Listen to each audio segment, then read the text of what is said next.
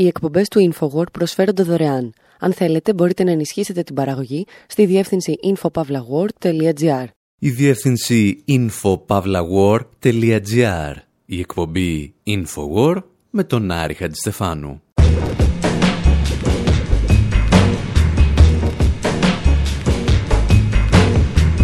Όπου σήμερα τραγουδάμε για φούσκες που σκάνε με κρότο, διαλύοντας τις βεβαιότητες του οικονομικού συστήματος.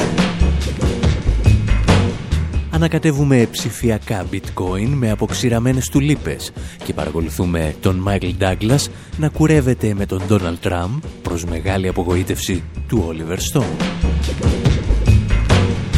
Αφήνουμε τον Billy Bragg να μας διηγείται ιστορίες από το Leningrad και τη φούσκα των νοτίων θαλασσών, ενώ εμείς αναρωτιόμαστε τι δουλειά είχε η Deutsche Bank να στείλει τρένα στις Ηνωμένες Πολιτείες. Και ύστερα παρακολουθούμε όλους αυτούς που πέφτουν από τα σύννεφα, καθώς η ηγέτιδα της Μιανμάρ, η Βερμανίας, παρακολουθεί ατάραχη μια γενοκτονία. Αναρωτιόμαστε τι νόημα έχει να αφαιρέσεις ένα Νόμπελ Ειρήνης από την κόρη ενός εθνάρχη, η οποία το μόνο που ξέρει να κάνει είναι να ισορροπεί ανάμεσα στην Ουάσιγκτον και το Πεκίνο ή ανάμεσα στην αστική τάξη και την κρατική γραφειοκρατία. Πρώτα όμως, σπάμε τις φούσκες μας. Yeah.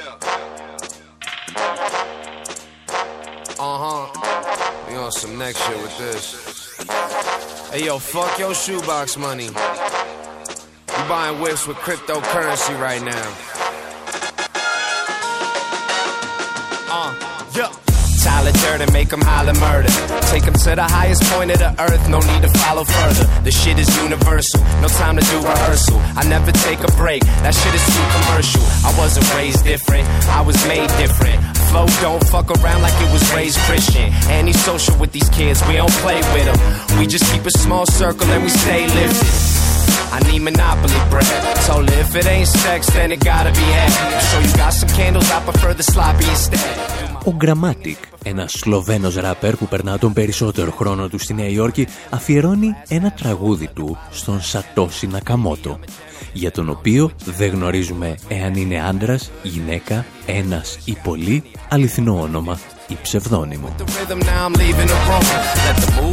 Το μόνο που γνωρίζουμε είναι ότι σε αυτόν αποδίδεται η δημιουργία του bitcoin, του ψηφιακού νομίσματος που τα τελευταία χρόνια έχει κλέψει τις καρδιές των ακραίων νεοφιλελεύθερων και ορισμένων αριστερών που δεν καταλαβαίνουν ότι είναι φιλελεύθεροι. Meltdown. The American financial system is rocked to its foundation. The giant bank crumbles, stocks plummet. Nightmare on Wall Street. AIG fights for its life. Blood on the floor. Το bitcoin θα κάνει την εμφάνισή του μετά την παρολίγων ολοκληρωτική κατάρρευση του χρηματοπιστωτικού συστήματος το 2008 τότε που ορισμένοι προσπαθούσαν να μας πείσουν ότι δεν έφταιγαν οι δομικές αδυναμίες του καπιταλισμού, αλλά η ανηθικότητα ορισμένων τραπεζιτών, οι παρεμβάσεις των κυβερνήσεων και οι κεντρικές τράπεζες. It's November the 2nd, 2008, just six weeks after the Lehman Brothers collapse. Είναι 2 Νοεμβρίου 2008, μόλις έξι εβδομάδες μετά την κατάρρευση της Lehman Brothers και σε όλο τον κόσμο γίνονται συζητήσεις για το πώς θα σωθούν οι τράπεζες.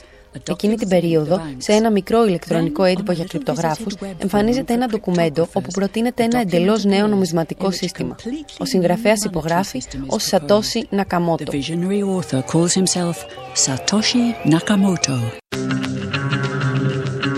Εάν λοιπόν οι πανηθιασότες του νέου νομίσματος είχαμε το bitcoin το οποίο δεν ελέγχεται από όλους αυτούς που μας έφεραν στην καταστροφή αλλά παράγεται αποκεντρωμένα από τους πολίτες θα γλιτώναμε τις κρίσεις και θα ζούσαμε εμείς καλά και αυτοί εξίσου καλά. Και έτσι κάποιοι άρχισαν να αναζητούν το δικό τους Ελντοράντο στο δημιούργημα του Σατώση Νακαμότο.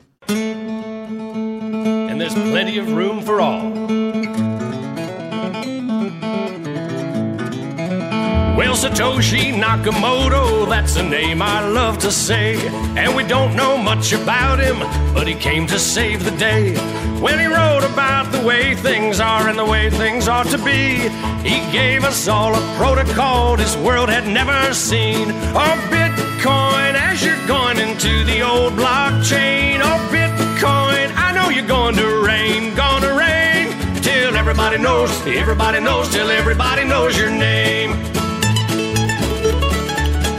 Έκτοτε η αξία του bitcoin ανεβαίνει με ασύλληπτους ρυθμούς, αν και κατά διαστήματα καταποντίζεται σαν roller coaster.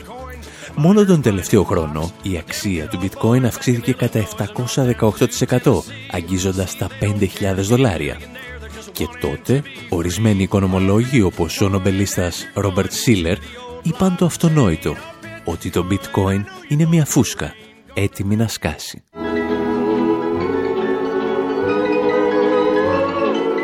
I'm forever blowing bubbles, pretty bubbles in the air. They fly so high, nearly reach the sky. Then, like my dreams, they fade and die. Στη σημερινή εκπομπή δεν έχουμε φυσικά χρόνο να αναλύσουμε την τεχνολογική καινοτομία του bitcoin ούτε τη λειτουργία του χρήματος γενικά.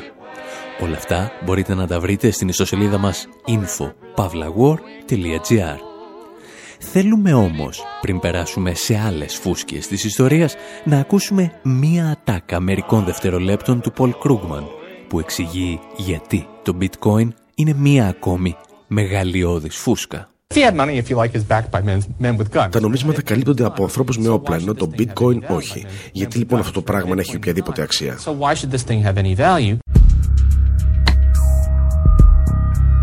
Ο Κρούγκμαν εξηγεί κάτι πολύ απλό.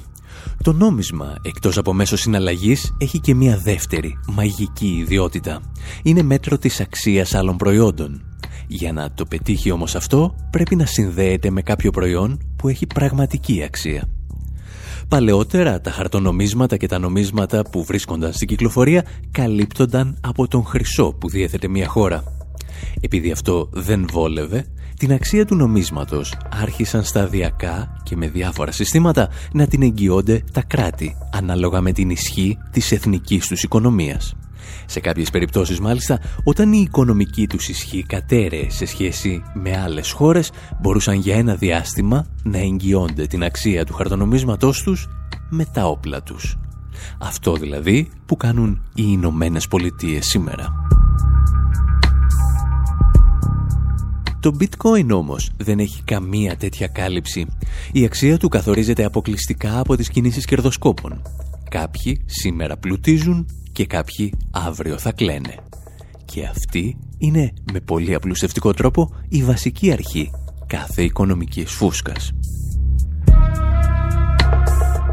Θα επανέλθουμε σίγουρα στο bitcoin σε επόμενες εκπομπές, ειδικά όταν κάποιοι θα αρχίσουν να κλαίνε. Σήμερα όμως σκεφτήκαμε να συνεχίσουμε την εκπομπή με τραγούδια για ορισμένες άλλες ιστορικές φούσκες. Και ξεκινάμε από την πιο όμορφη, τη φούσκα της τουλίπας.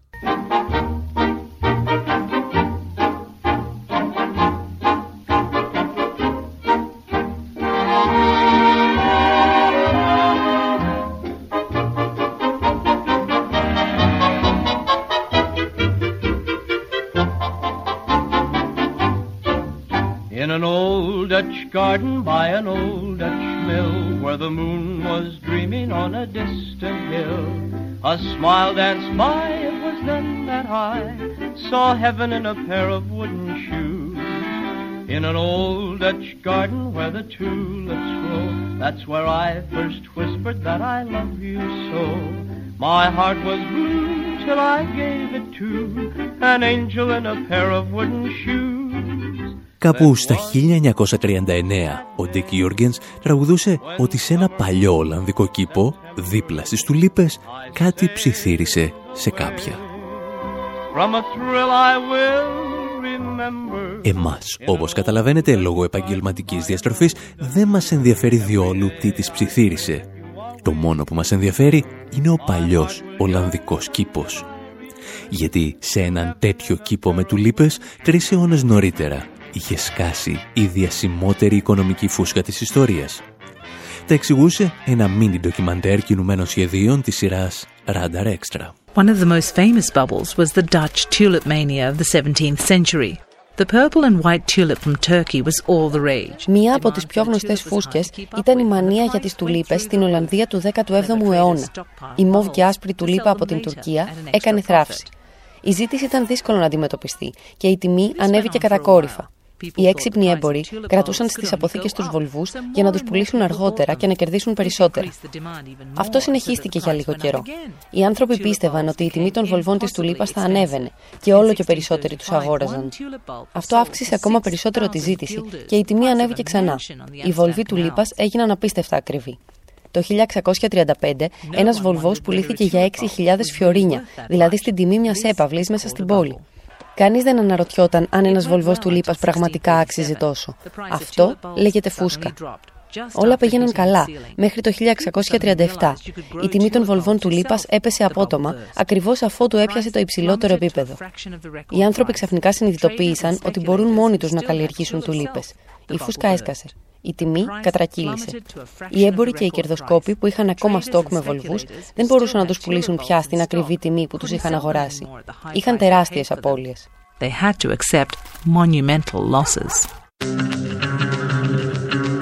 Η φούσκα της τουλίπας έγινε γνωστή στο ευρύτερο κοινό κυρίως μέσα από τα βιβλία του οικονομολόγου John Kenneth Galbraith.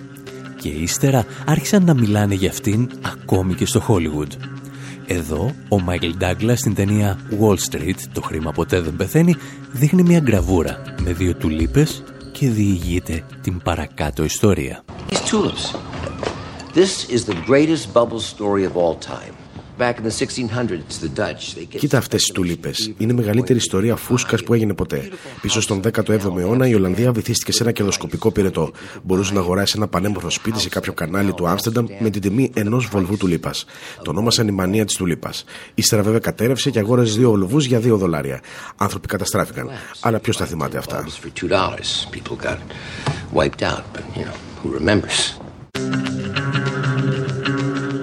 Για την ιστορία, ίσως το πιο ενδιαφέρον κομμάτι της ταινίας ήταν αυτό στο οποίο εμφανιζόταν ο Ντόναλτ Τραμπ, υποδιόμενος στον εαυτό του. Δεν τον είδατε όμως ποτέ, γιατί ο Όλιβερ Στόουν έκοψε τη σκηνή ως απαράδεκτη. Hey, is this the one and only Gordon Gekko? Hey, Donald. What are you talking about? You're the one and only. So now I've got competition. It's a great place to get a haircut. I love this place. Been coming here since the 80s. Well, the 80s are no longer, Gordo. The world is a tough place. Και από τη φούσκα της Τουλίπας έχει έρθει ο καιρός να περάσουμε στη λεγόμενη φούσκα των νοτίων θαλασσών, για την οποία τραγουδά στο περίπου ο Μπίλι Μπράγκ.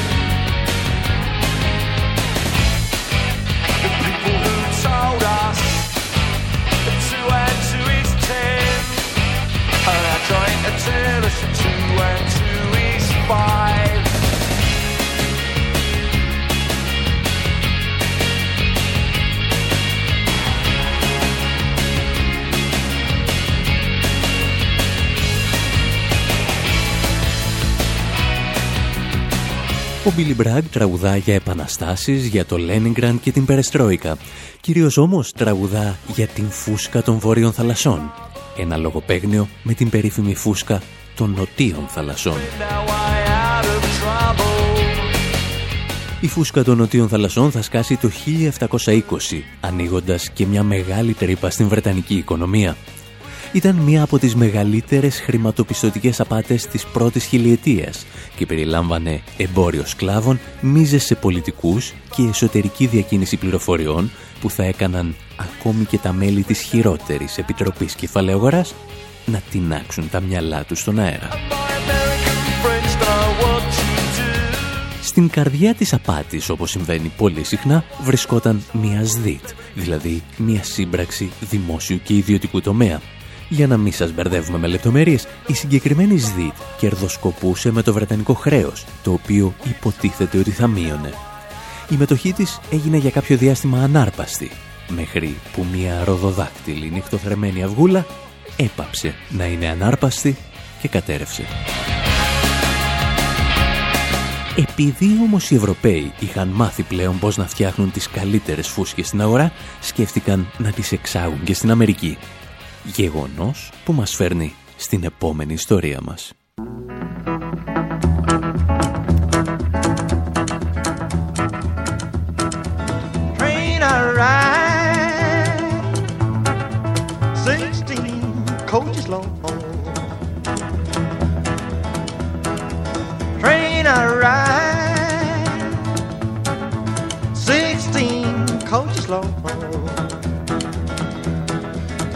Well, that long black train got my baby and gone.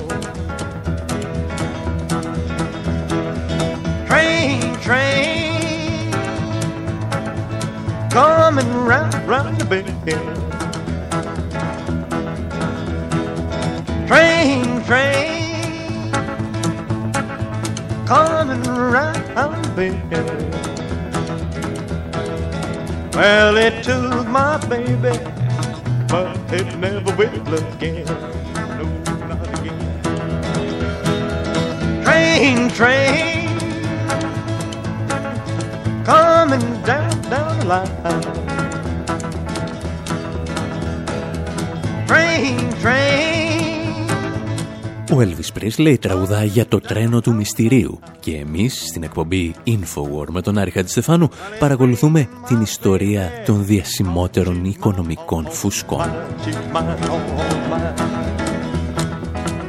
Εάν θυμάστε, όταν η Deutsche Bank κινδύνευε με κατάρρευση πριν από ένα χρόνο, ακούγαμε ένα μίνι ντοκιμαντέρ για την ιστορία της. Σήμερα μας ενδιαφέρει εκείνο το κομμάτι που λέει πως στον 19ο αιώνα αποφάσισε να χρηματοδοτήσει μερικά μεγάλα έργα στο εξωτερικό. Deutsche Bank plays a major role in Germany's industrial development and helps finance new companies. Siemens is just one among Η Deutsche Bank παίζει καθοριστικό ρόλο στη βιομηχανική ανάπτυξη της Γερμανίας και χρηματοδοτεί νέες εταιρείες. Μεταξύ αυτών βρίσκεται και η Siemens. Η Deutsche Bank δραστηριοποιείται σε ολόκληρο τον κόσμο. Συμμετέχει στην κατασκευή της συνδρομικής γραμμής που διασχίζει τη Βόρεια Αμερική. participates in the Northern Pacific Railroad in North America. Η Deutsche Bank λοιπόν χρηματοδοτεί την κατασκευή ενός σιδηροδρόμου που θα διασχίζει ολόκληρη τη Βόρεια Αμερική. Ο λόγος που το κάνει βέβαια είναι ότι έχει πλεονάζοντα κεφάλαια τα οποία θέλει να χρησιμοποιήσει για κερδοσκοπικά παιχνίδια. Και το μεγαλύτερο καζίνο της εποχής είναι η Αμερικανική Σιδηρόδρομη. Μια τεράστια φούσκα η οποία θα σκάσει λίγα χρόνια αργότερα, συμπαρασύροντας την παγκόσμια οικονομία. Είναι η στιγμή που ξεκινά ο λεγόμενος πανικός του 1873. Στην πραγματικότητα το πρόβλημα δεν ήταν μία φούσκα, αλλά ο αχαλήνοτος καπιταλισμός της εποχής που είχε τα μαύρα του τα χάλια και οι παράγοντες που προκαλούν την κρίση είναι δεκάδες. Οι κερδοσκοπικές επενδύσεις όμως της Deutsche Bank στους αμερικανικούς σιδηροδρόμους είναι ο καταλήτης που φέρνει την καταστροφή.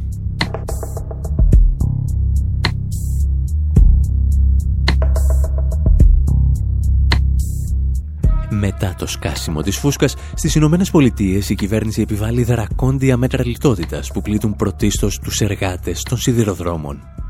Αυτοί εξεγείρονται και η Ομοσπονδιακή Κυβέρνηση απαντά στέλνοντας το στρατό. Πρόκειται για μία από τις μεγαλύτερες αυθόρμητες εξεγέρσεις στην ιστορία των Ηνωμένων Πολιτειών και φυσικά μία από τις πιο πολυτραγουδισμένες.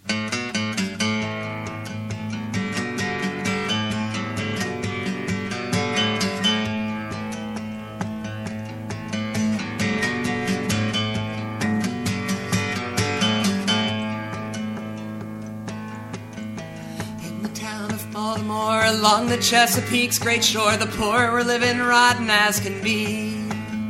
Sewage ran into the streets, some could not afford to eat, and poverty was quickly expanding. Wages fell 25% with 3 million in unemployment, the bulk of the burden on the poor. No B&O was profit bound, the bosses cut the wages down, the workers wouldn't take it anymore. Οι φούσκες φυσικά είναι πολλές και ο ραδιοφωνικός μας χρόνος περιορισμένος. Κάτι σαν το μέλλον του bitcoin.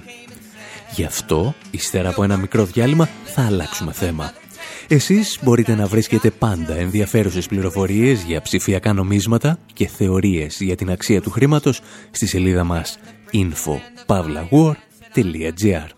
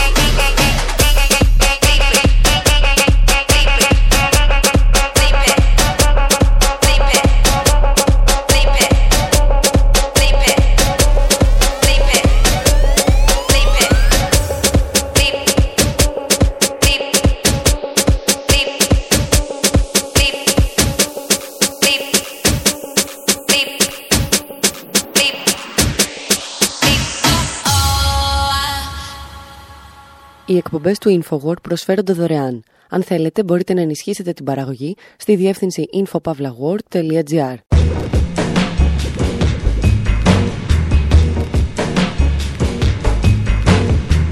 Η εκπομπή Infowar με τον Άρη Χατζηστεφάνου. Όπου σήμερα πέφτουμε από τα σύννεφα με όσους πέφτουν από τα σύννεφα για μια νομπελίστρια της ειρήνης η οποία τώρα στηρίζει μια γενοκτονία. Σκεφτόμαστε ότι αν κάποιοι έδιναν λίγο μεγαλύτερη σημασία στο παρελθόν των μεγάλων πολιτικών οικογενειών, ίσως να μπορούσαν να προβλέψουν το μέλλον. Θυμόμαστε τον πλανήτη να ερωτεύεται τη σημερινή ηγέτιδα της Μιανμάρ για να συνειδητοποιήσει λίγα χρόνια αργότερα ότι δεν ήταν και πολύ καλύτερη από τον πατέρα της. Θυμόμαστε δηλαδή ιστορίες από την μεγάλη αποστολή που είχε πραγματοποιήσει το Infowar πριν από μερικά χρόνια στη Μιανμάρ.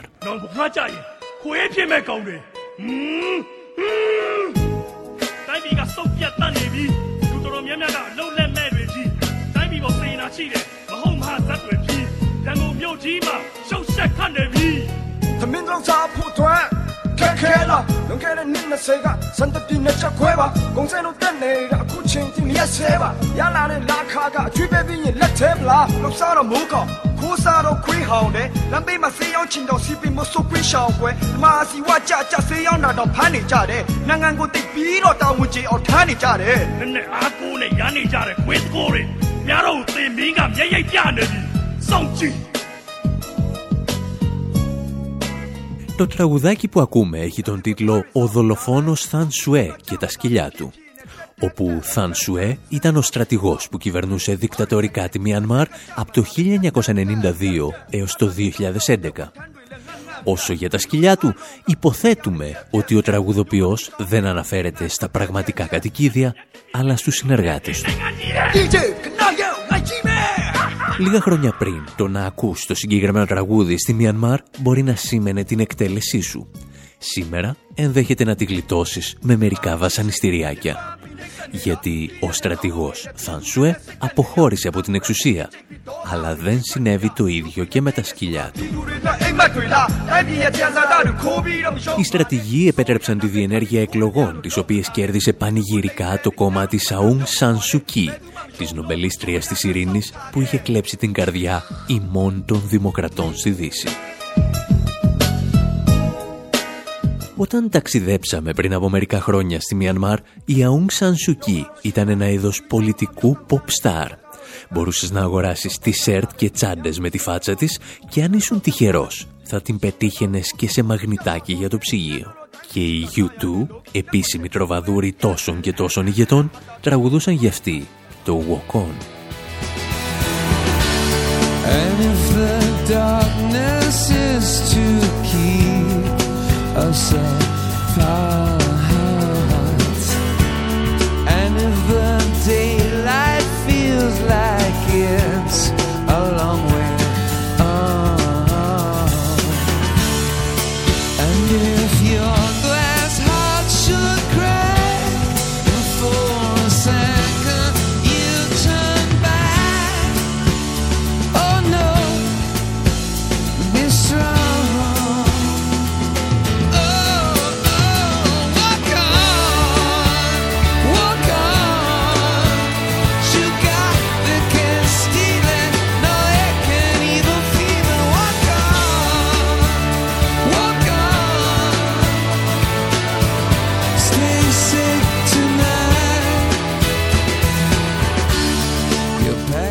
Τις τελευταίες ημέρες η ηρωίδα της δημοκρατίας στη Μιανμάρ έπεσε από το βάθρο της και πλάκωσε τις ψευδεστήσεις ορισμένων. Όλα ξεκίνησαν καθώς τους δέκτες μας άρχισαν να φτάνουν φρικιαστικές πληροφορίες από την εθνοκάθαρση των Ροχίνγκια, μιας μουσουλμανικής μειονότητας. Τα εξηγούσε καλύτερα όμως το Russia Today. While the leader revels in glory, the country is home to what the UN calls the most persecuted minority in the world, the Rohingya, a Muslim Και ενώ η ηγέτης απολαμβάνει τη δόξα, στη χώρα, σύμφωνα με τον ΟΗΕ, κατοικεί η πλέον διοκόμενη μειονότητα στον κόσμο, η Ροχίνγκια, μια μουσουλμανική κοινότητα με περισσότερους από ένα εκατομμύριο ανθρώπους. Η κυβέρνηση της Μιανμάρ δεν τους αναγνωρίζει ως πολίτες της χώρας, θεωρώντας τους παράνομους μετανάστες. Πέρσι, ύστερα από συγκρούσεις με την αστυνομία, πραγματοποιήθηκαν βίαιες επιθέσεις εναντίον της κοινότητας. Από τότε περισσότερα από χίλια άτομα σκοτώθηκαν και περισσότεροι από 20.000 έχουν εκτοπιστεί. Οι δυνάμεις της κυβέρνησης έχουν κατηγορηθεί για ευρεία καταπάτηση ανθρώπινων δικαιωμάτων, εμπρισμούς, βιασμούς και δολοφονίες. wide-scale human rights violations, arson, rape and murder. Οι πληροφορίες που φτάνουν από τη Μιανμάρ μιλούν για ομαδικούς βιασμούς και αποκεφαλισμούς ανθρώπων μπροστά στην οικογένειά τους. Και πώς αντέδρασε η Αung San Suu Kyi, μας έβγαλε και ψεύτες. Αυτή τη φορά ήταν το BBC που επιχείρησε να την αποκαθιλώσει. And the crisis is doing nothing for the international reputation of Aung San Suu Kyi either. Once imprisoned and a symbol of Η the κρίση δεν βοηθά τη διεθνή φήμη της Aung San Suu Kyi.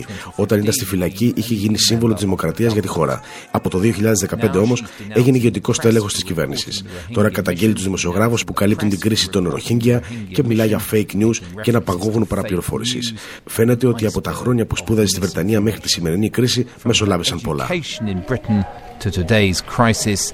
It's been a long journey. Όταν βέβαια φτάνει το BBC να πει ότι τζάμπα σε σπουδάζαμε εδώ στα Λονδίνα, καταλαβαίνεις ότι έχεις κάνει κάτι πολύ λάθος. Λίγο αργότερα μάλιστα ξεκίνησε και μια διεθνής εκστρατεία για να αφαιρεθεί από την Aung San Suu Kyi το Νόμπελ Ειρήνης. Μια συλλογή υπογραφών για να αφαιρεθεί από την ηγέτητα της Μιανμάρ το Νόμπελ Ειρήνης κερδίζει νέους υποστηρικτές. Μέχρι σήμερα έχουν συγκεντρωθεί περίπου 300.000 υπογραφές. Το να ζητάς βέβαια την αφαίρεση ενός Νόμπελ είναι κατά τη γνώμη μας ελαφρώς γελίο. Εάν το κάνεις, θα έπρεπε να το είχες κάνει και για άλλα τέρατα της ιστορίας, όπως ο Κίσιγκερ, ο Ομπάμα, ο Χιτζακ Ράμπιν, η Ευρωπαϊκή Ένωση και πολλοί πολλοί ακόμη. Το βασικό πρόβλημα λοιπόν με την Aung San Suu Kyi δεν είναι το Νόμπελ, αλλά ότι ποτέ δεν έπρεπε να την θεωρούμε το απόλυτο πρότυπο της δημοκρατίας απέναντι σε ένα αυταρχικό καθεστώς. Για να καταλάβουμε όμως τι ακριβώς συνέβη, θα χρησιμοποιήσουμε ο λίγον από Μπρέχτ, μία στάλα από Κίπλινγκ και μπόλικη Βρετανική αυτοκρατορία. Mutter Gott dem Smuffin Mandalay. Sieben Bretter an der grünen See. Gadem, was ist das für ein netter Blissamang? Da stehen ja schon 15 die Bretterband entlang. In der Hand die Uhr und mit oh hey. Gibt's denn nur ein Mensch in Mandalay? Menschen sind das Schönste auf der Welt. Denn sie sind zum Teufel wert ihr Geld.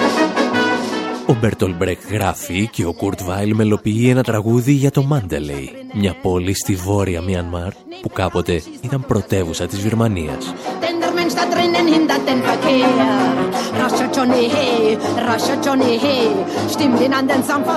Ο Μπρέχτ δανείζεται εικόνες και στοιχεία από το ποίημα Μάνταλεϊ του Κίπλινγκ, ο οποίος με τη σειρά του διηγούνταν τις ιστορίες των Βρετανικών απικιακών στρατευμάτων στη Βυρμανία. Hier geht's um Sekunden. Η Βρετανική απικιοκρατία στην περιοχή είναι μια παλιά ιστορία.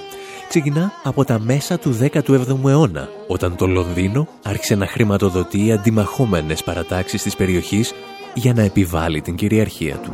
Mutter Gott dem Smuffin Mandalay. Η δική μας ιστορία όμως ξεκινά τη δεκαετία του 1940, την εποχή που δημιουργείται ο μύθος του εθνάρχη της Βυρμανίας που ακούει στο όνομα Aung San και τυχαίνει να είναι πατέρας της Aung San Suu Kyi.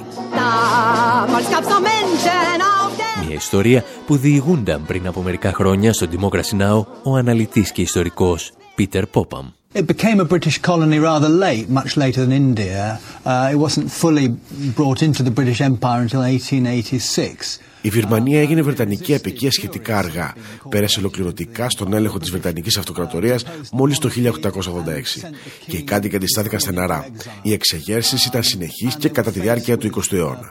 Στη δεκαετία του 40 ήρθαν στη χώρα οι Ιάπωνε και αφού συνεργάστηκαν με τον Αούν Σαν, κατάφεραν να απομακρύνουν τους Βρετανούς και να επιβάλλουν τη δική τους κυριαρχία. Αρχικά ο Αούν Σαν τους έβλεπε σαν απελευθερωτές. Όταν όμως συνειδητοποίησε ότι τα πράγματα ήταν διαφορετικά, συμμάχισε και πάλι με τους Βρετανούς και έδιωξε τους Ιάπωνες. Με αυτόν τον έξυπνο χειρισμό έγινε ισχυρότερη πολιτική προσωπικότητα στη Βυρμανία και διαπραγματεύτηκε την ανεξαρτησία της Βυρμανία. And he went to negotiate uh, uh, Burma's independence. Ο Αούν Σαν λοιπόν συνεργάστηκε με την αυτοκρατορική Ιαπωνία, δηλαδή με τις δυνάμεις του φασιστικού άξονα, για να διώξει τη Βρετανική Αυτοκρατορία. Και στη συνέχεια συνεργάστηκε με τον Βρετανικό Ιμπεριαλισμό για να διώξει τους Ιάπωνες. Και ως γνωστόν, όταν έχεις συνεργαστεί και με τους φασίστες και με τους Ιμπεριαλιστές, είσαι συνήθως έτοιμος να πάρεις τον τίτλο του Εθνάρχη.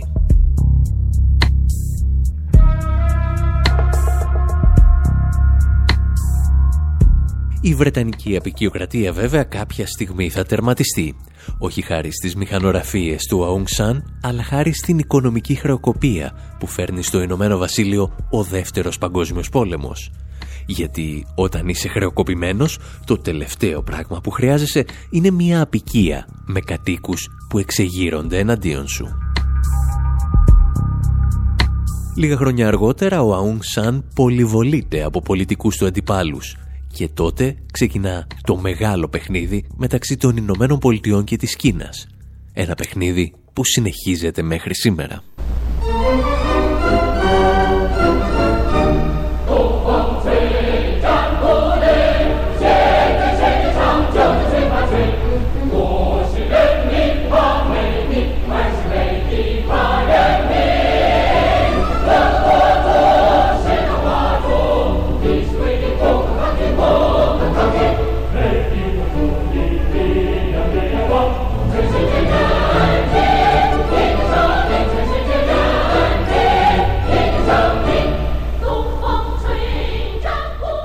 Άνεμος, λέει το τραγούδι, πνέει από την Ανατολή. Ηχούν τα τύμπανα του πολέμου. Ο λαός δεν φοβάται τον Αμερικανικό υπεριαλισμό. Ο Αμερικανικός υπεριαλισμός να φοβάται το λαό. Βρισκόμαστε στη δεκαετία του 50 και το Πεκίνο πραγματοποιεί τις σημαντικότερες ιδεολογικές επιθέσεις εναντίον της Ιαπωνίας και των Ηνωμένων Πολιτειών. Και οι τελευταίες, όπως μας είχε θυμίσει πρόσφατα ο Νόαμ Τσόμσκι, κάνουν ό,τι μπορούν για να περιορίσουν την επιρροή του Πεκίνου. Ένα από τα μέσα που χρησιμοποιούν είναι να χρηματοδοτούν Κινέζους αντικαθεστωτικούς στη Βόρεια Βυρμανία. Είναι η αρχή του ψυχρού πολέμου της Κίνας με τις Ηνωμένες Πολιτείες στην περιοχή. Στα χρόνια που θα ακολουθήσουν η ηγεσία της χώρας θα μείνει στο πλευρό του Πεκίνου, υιοθετώντας ένα μείγμα βουδισμού και σοσιαλισμού χωρίς ιδιαίτερα ανθρώπινο πρόσωπο. Είναι μια δικτατορία η οποία αγνοεί επιδεικτικά τη Δύση, έως ότου το 1988 έρχεται η ανατροπή. Νέοι δικτάτορες έρχονται στην εξουσία και στρέφονται ανοιχτά προς την οικονομία της αγοράς. Από τον σοσιαλβουδισμό η χώρα περνά στον αγνό παρθένο καπιταλισμό. Παρεπιπτόντως το καθεστώς σκοτώνει και 3.000 πολίτες που ζητούσαν ελευθερία. Αλλά αυτά δεν απασχολούν πλέον τη Δύση. Η Βερμανία είναι πλέον δικός μας σύμμαχος. Πολυεθνικές της δύσης μάλιστα αρχίζουν να δείχνουν ενδιαφέρον για αυτή την ξεχασμένη χώρα της Νοτιοανατολικής Ασίας. Πρώτη φτάνει η γνωστή μας Χαλιμπάρτον του Dick Cheney, η οποία κατασκευάζει έναν αγωγό φυσικού αέριου. Αργότερα, Αμερικανικό δικαστήριο θα αποδείξει ότι η εταιρεία του Τσένι χρησιμοποιούσε Βυρμανούς σκλάβους για να κατασκευάσει τον αγωγό. Και ύστερα ήρθε η γαλλική Total και η αμερικανική Unocal. Το τι ακριβώς έκανε η τελευταία στη χώρα είχε εξηγήσει πριν από μερικά χρόνια η Κάθριν Ρέτφορντ από την οργάνωση Earth Rights. to people who were fleeing from Burma, fleeing from the incredibly repressive military. Ο λαός της Βυρμανίας προσπαθούσε να ξεφύγει από την καταπιεστική στρατιωτική δικτατορία, η οποία χρησιμοποιούσε εργάτες σαν σκλάβους και πραγματοποιούσε βασανιστήρια και βιασμούς. torture, extrajudicial killing, rape. But fleeing from those same abuses committed by the Προσπαθούσε όμως να ξεφύγει και από τα ίδια βασανιστήρια που πραγματοποιούσε ο στρατός για λογαριασμό μιας αμερικανικής εταιρείας, της Unical. Ουσιαστικά η εταιρεία είχε προσλάβει το στρατιωτικό καθεστώς για να προστατεύει τον αγωγό φυσικού αερίου που διέθετε στη Βυρμανία.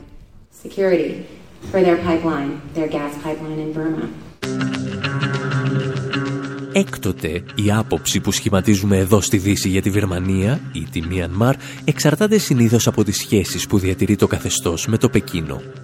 Όταν οι στρατηγοί κοιτάζουν προς Ανατολάς, εμείς τους αποκαλούμε δικτάτορες και αποκαλύπτουμε τα εγκλήματά τους. Όταν κοιτάζουν προς τη Δύση, ξεχνιόμαστε και ασχολούμαστε με άλλα θέματα. Μικρό διάλειμμα με ολίγη μιανμαριανή hip-hop για να δούμε το ρόλο που παίζει και η Aung San Suu Kyi σε αυτή την ιστορία. ။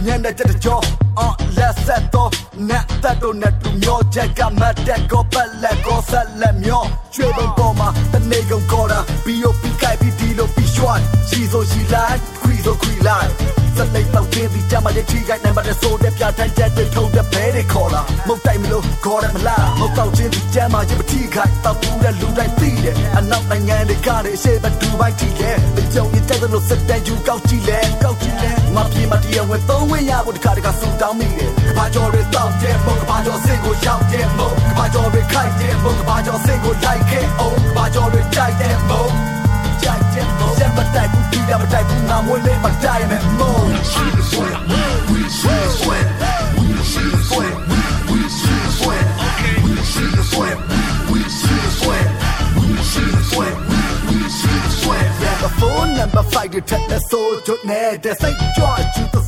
Ο Fly High μας παρουσιάζει μία από τις τελευταίες δημιουργίες της βιρμανικής hip-hop σκηνής. Ένα μείγμα ντοπιολαλιάς με αμερικανικές φράσεις από την gangsta rap.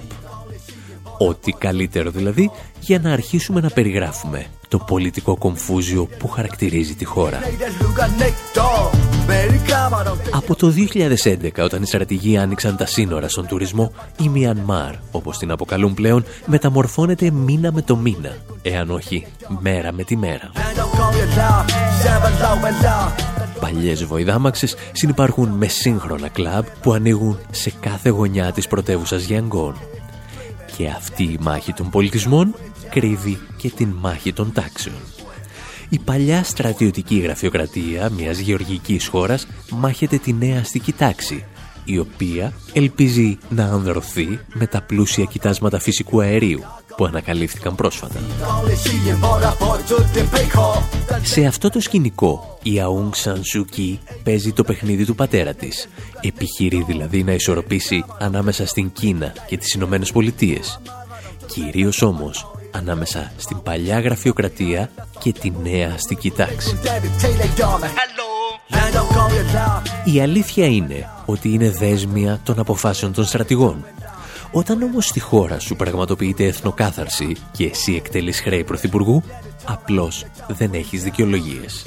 Εάν δεν είσαι μέρος της λύσης, είσαι μέρος του προβλήματος. Το ερώτημα βέβαια είναι γιατί ο δυτικός τύπος αποφάσισε τώρα να επιτεθεί με τόση σφοδρότητα στην Αούγκ Σαν Σουκί. Ένα σενάριο λέει ότι η κυρία Αούγκ φλέρταρε λίγο περισσότερο με την Κίνα. Για την τελική απάντηση όμως θα πρέπει να περιμένουμε μερικές εβδομάδες ή και μερικούς μήνες για να δούμε πώς θα αποκρισταλωθούν οι σχέσεις στο εσωτερικό και το εξωτερικό της Μιανμάρ.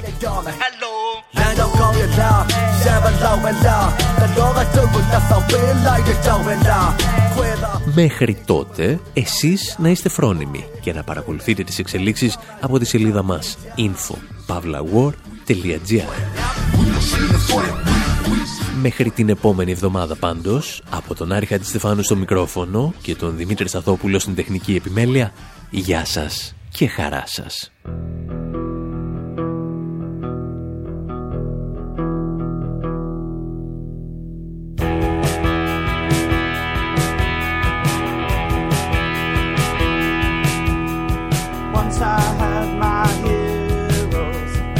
outside.